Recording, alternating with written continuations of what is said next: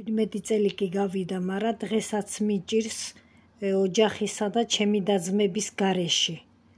ეს ყველაფერი გადამაქვს იმის იმედით იმის იმ დროის ნატურით რომ დაუბრუნდები და ჩემ ოჯახში ჩემ ხალხთან ერთად ვიქნები თბილად და ტკბილად. ძალიან თბილი და მოსიყვარულე ხალხია, არაფერს არ არ გვაგძნობიებენ, არ მაგ რომ ვართ მოსამსახურეები.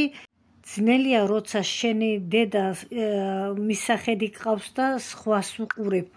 ეს არის მე მგონი დიდი სასჯელი, დიდი დიდი გადასად მოსათმენი დიდი გადასატანი ამის გამო შეიძლება ადამიანს ფსიქოლოგიაც შეგერყეს. ბევრი არის მაგალითად ბევრს ვიცნობ რომ ვერც ვერც აიტანა ვერც გადაიტანა და უკან დაბრუნდა დიდი მოთმინება და დიდი დიდი გაძლება ჭირდება გჭირდება ამ გადაწყვეტილების ხალხს მე 17 წელია გადის უკვე და მე კიდე უსაბუთოთ ვარ. ძნელია შიშის ქვეშ კი ვარ როცა საბუთი არ გაქვს და ვერ გადიხარ ქუჩაში. გეშინია რამე არ შეგემთხვას ან რამე სავატყოფო რო დაგჭირდეს წასულა წამო რაღაც რაღაცა მისთანები მაგ დროს საბუთები აუცილებელია და მაგაში მეშლება ხელი. საქართველოში დედა ისე მომიკვდა ტირილშიც ვეღარ ჩამოვედი ძალიან ამაზე ძნელი მე მგონი არაფერი არის. ჯოჯოხეთში ვიცხოვრე ერთი წელი და კიდევაც ესე ესე ორი წელია უკვე რაც დამაკლდა დედა და ყოველ ღამეს თითქმის უცრემლოთ არ დამიძინია. ბევრი არაფერი კი შევიძინებ ქალაქში ბინა ძალიან დიდი არა 40 და 10 კვადრატამდე.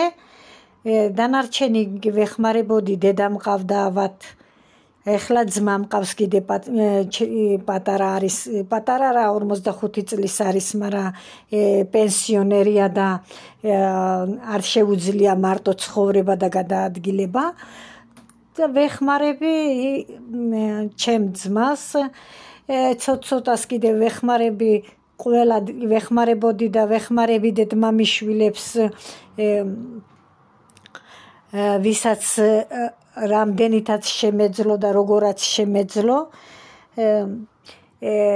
როცა უყურებ რომ რაღაც შეგიძლია ოჯახის გამო გააკეთო, დისთვის გააკეთო, ძმისთვის გააკეთო, თავისთვისაც რა თქმა უნდა დაეხმარო ოჯახს და ფეხზე დააყენო, იღებ ამ პასუხისგებლობას თავზე და დგამ ამ ნაბიჯს კვირაში ერთი დღე მაქვს დასვენების 8 საათი.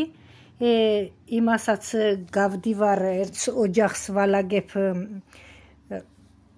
რო რაღაც ეკონომიურად უფრო უკეთესად გამომივიდეს. და დარჩენილ 2-3 საათს მყავს ერთი მეგობარი გოგო თბილისიდან ელზა ნაპოვნიშვილი მასთან გავდივარ და ყავას დავლევთ სანამ რამეს დავილაპარაკებთ უკვე ჩემი წამოსლის დროც მოდის. ასე რომ დანარჩენი დანარჩენი კვირეები ოთხ კედელში ვატარებთ ყველა ასე ვართ ვისურვებდი რომ საქართველოში ისე წასულიყოს საქმე ისეთი ისეთი თავრობა მოსულიყოს და ისე ისე კარგად წარემართონ.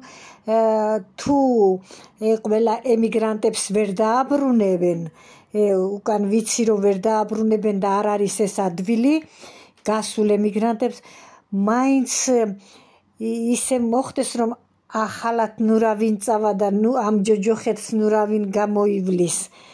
არავის ვუსურვებ.